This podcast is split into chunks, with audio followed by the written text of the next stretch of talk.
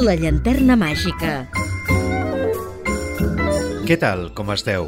Benvingudes i benvinguts una setmana més a La Llanterna Màgica, el programa apte per tots els públics. Edició número 246 des dels nostres inicis i 20 d'aquesta setena temporada. Quantes vegades estem preparant el sopar i ens sorprenem a nosaltres mateixos taralejant o xiulant el tema principal d'una pel·lícula? A mi m'ha passat en moltes ocasions, i sabem quina pel·lícula és, però en canvi no sabem o no som capaços de recordar qui va compondre originalment aquesta música ni com es diu. El setè art també contribueix a que aquestes coses passin. De sobte estem veient una pel·lícula i sense adonar-nos, les notes que acompanyen les imatges van calant a la nostra ment. No identifiquem l'autor ni l'intèrpret, però moltes vegades sí que a posteriori associem una música amb una determinada imatge o situació. De tant en tant, fem menció a aquells clàssics que han arribat a la nostra cultura popular gràcies al cinema. Però abans d'entrar en matèria, deixem-me que us recordi que podeu seguir la nostra activitat i escoltar els darrers programes emesos a les xarxes socials. Segueix el programa al Facebook facebook.com barra la llanterna màgica. Tenim una adreça de correu electrònic per si us cal contactar amb nosaltres o fer-nos arribar les vostres consultes o suggeriments. Vols contactar amb el programa? llanterna01 arroba gmail.com I ells som tots? Doncs vinga, comencem! La llanterna màgica, amb Jordi Terrades.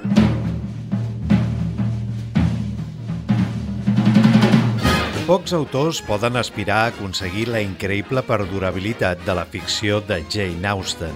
Els deliciosos relats de la novel·lista britànica sobre convencions socials i romans han fet riure i commogut a generacions de lectors. Publicada el mes de desembre de 1815, Emma va ser la quarta novel·la d'Austen i la última que va publicar en vida. Quan es va editar, ja comptava en el seu haver amb Sentido i Sensibilitat, Orgullo i Prejuicio i Mansfield Park, però molts consideren que Emma és l'obra mestra de l'autora. No és la primera vegada que Emma s'adapta a la gran pantalla. L'any 1995, Clueless va traslladar la trama a una ambientació actual, mentre que un any després, Emma, la producció protagonitzada per Gwyneth Paltrow, va apostar per un enfocament més directe. Emma és romàntica i satírica, a més d'un retrat viu de la vida durant el període de regència del Regne Unit i una comèdia sobre les convencions socials de llavors. A destacar com s'ha tractat la fotografia de la producció a càrrec de Christopher Blowball, el disseny de producció de Keith Quinn adequat a l'època i el vestuari de Alexander Byrne. Però el cim de tot això és la música.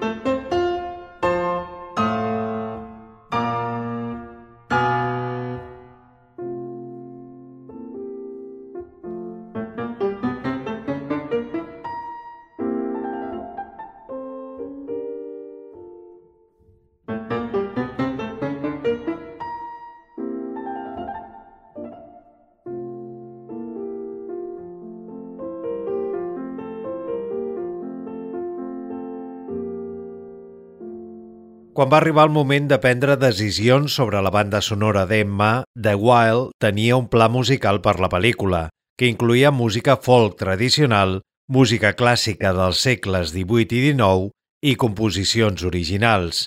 A més, The Wild va decidir que l'òpera podia jugar un important paper a l'hora de fer broma sobre la vanitat d'Emma i per al·ludir a la repressió i les restriccions de la vida social de la classe mitjana al món de Jane Austen. La directora tenia clar que volia un compositor que pogués crear temes musicals per cada personatge, subratllar els sentiments del film, elevar els moments còmics i fusionar a la perfecció el collage musical de totes aquestes influències. A la cerca de la persona adequada, The Wild va decidir que volia un toc musical distintiu per a Emma, que acompanyés a l'espectador per ridículs moments còmics, terribles desamors i poètics romansos. Quan va descobrir la compositora Isobel Waller-Bridge, The Wild sabia que havia trobat la col·laboradora perfecta per fer realitat la seva visió.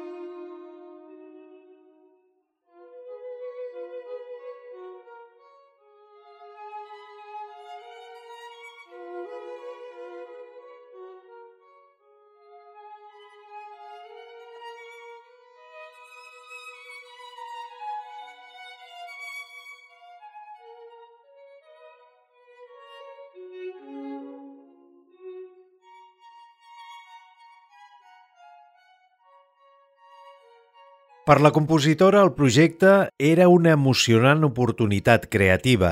Des dels inicis, la directora li va parlar de Pedro i el Lobo, la composició sinfònica de Prokofiev, pel seu il·lustratiu ús de la instrumentació per representar els personatges.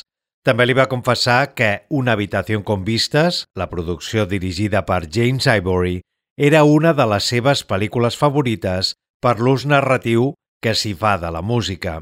Així que Odom li va demanar a la compositora que triessin instruments específics per cada personatge i que il·lustressin les seves personalitats a través de l'orquestració. En opinió de la directora, la música no hauria de ser mai en segon pla, tot el contrari. La cineasta també va parlar d'incloure enregistraments específics de peces de l'època en què tenia una relació personal. La interpretació de Glenn Gould dels concerts per a piano de Beethoven i la Sinfonia dels Adeus de Haydn tenen un especial significat per la realitzadora. La inclusió d'aquestes peces de l'època aportava informació rellevant sobre com s'havia de dissenyar i definir la banda sonora.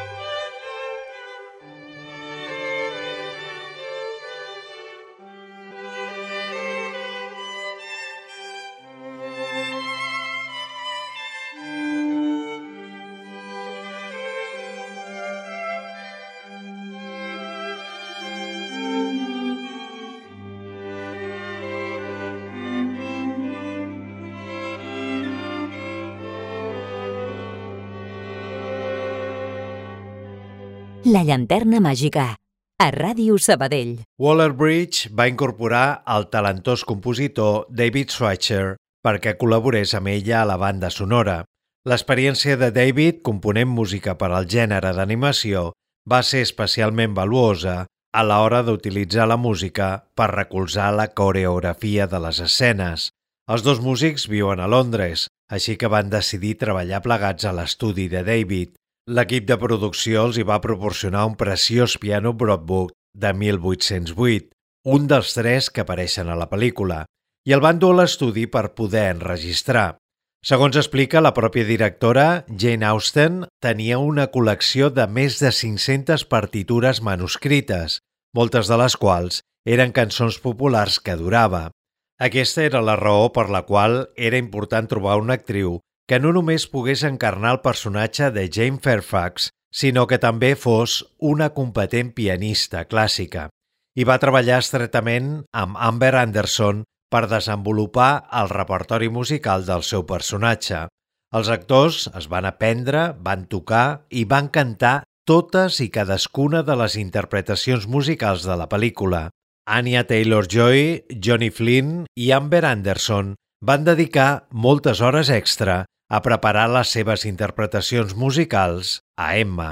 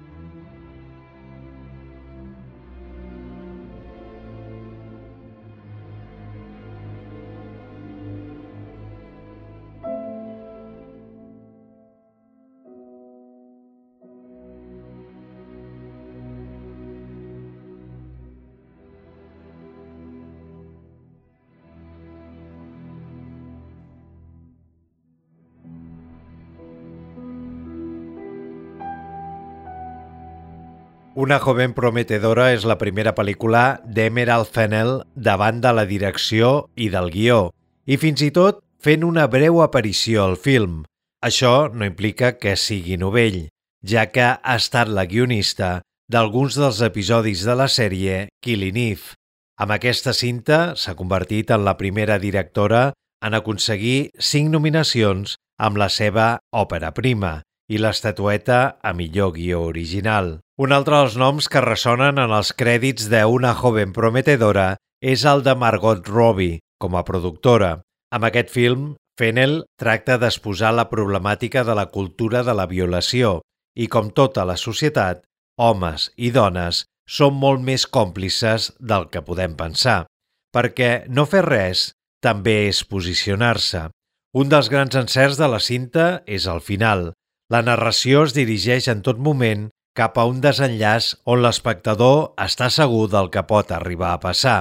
Es debat entre un desenllaç previsible i un no desitjat, però un cop més, Fennel ens sorprèn i escull un tancament a l'alçada del que vol explicar-nos, tenyint encara més de tristor, una pel·lícula que no deixa indiferent.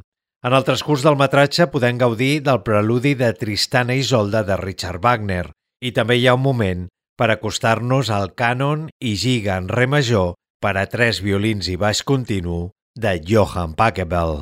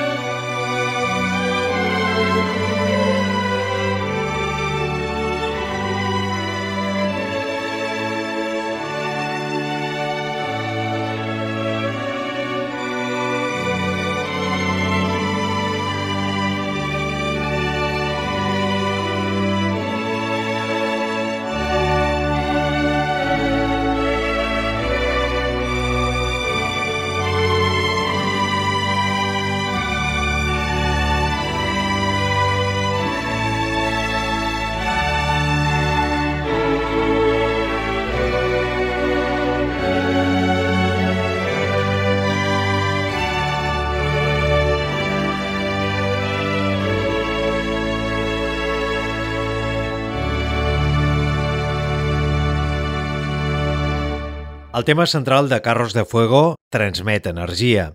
Té un poder vigoritzant com Gonna Fly Now, escrit per Bill Conti per Rocky, o Eye of the Tiger, de Survivor, per una entrega posterior de la pel·lícula protagonitzada per Sylvester Stallone. De fet, la composició d'Evangelis és el tema més escoltat pels atletes en els seus entrenaments i s'ha convertit en obligatòria en els grans esdeveniments esportius. Aquesta obra instrumental inoblidable ens va arribar l'any 1981 de la mà del compositor grec i es va endur l'Oscar a millor banda sonora, superant a En busca de l'arca perdida de John Williams, que competia per l'estatueta aquell mateix any.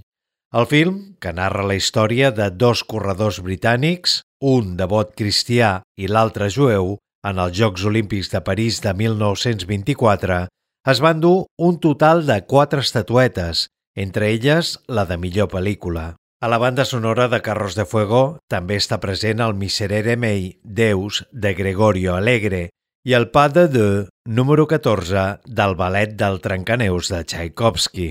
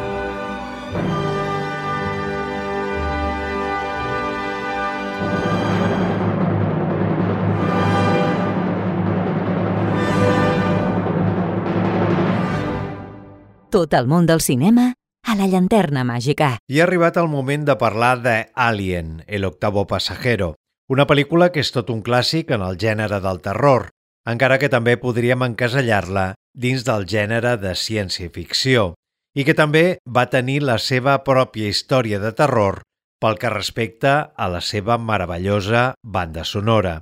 Com molts de vosaltres ja sabreu, el director Ridley Scott va comptar amb el llegendari Jerry Goldsmith, tot un mestre a la seva feina. El compositor va realitzar un treball impressionant, original i molt atrevit per la seva època, però que no van poder gaudir tal i com va ser concebut fins fa poc. Els nombrosos canvis realitzats per Scott i l'editor Terry Rawlings van desequilibrar la coherent estructura dibuixada per un Goldsmith en el seu millor moment professional i van dotar d'un nou sentit a la pel·lícula. El director va demanar al compositor canvis en algunes de les seves melodies i va incloure temes addicionals com la Sinfonia Romàntica número 2 de Howard Hanson o el segon moviment de la petita serenata nocturna del mestre Wolfgang Amadeus Mozart.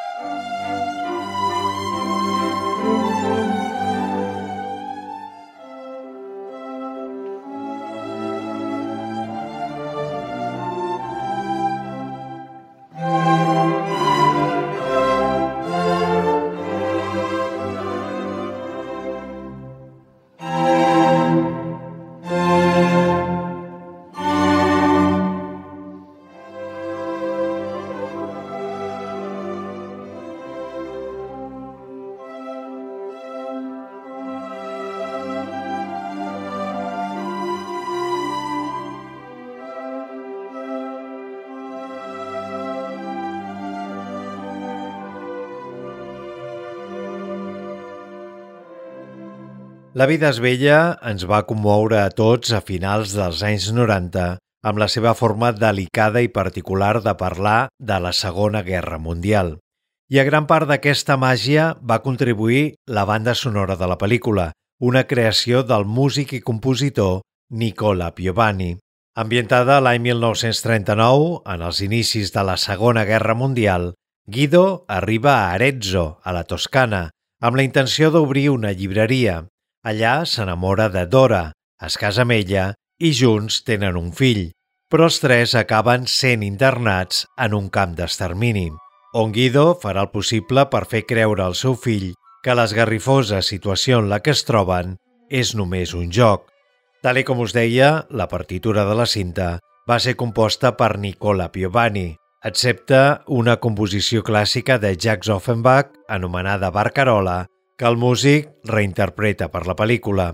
També s'inclou una broma musical de Wolfgang Amadeus Mozart i a tot això afegir un dels temes més recordats de la producció, Beautiful That Way, interpretat per la cantant Noah. El film va aconseguir endur-se tres Òscar de les set categories per les que estava nominat. Millor actor per Roberto Benini, pel·lícula de parla no anglesa i millor banda sonora. Moment de marxar. Rebeu una salutació de qui us ha estat acompanyant al llarg d'aquest programa, Jordi Terrades. Gràcies per la vostra atenció, com sempre us diem, sense vosaltres no seríem res i us esperem a la propera edició de La Llanterna Màgica.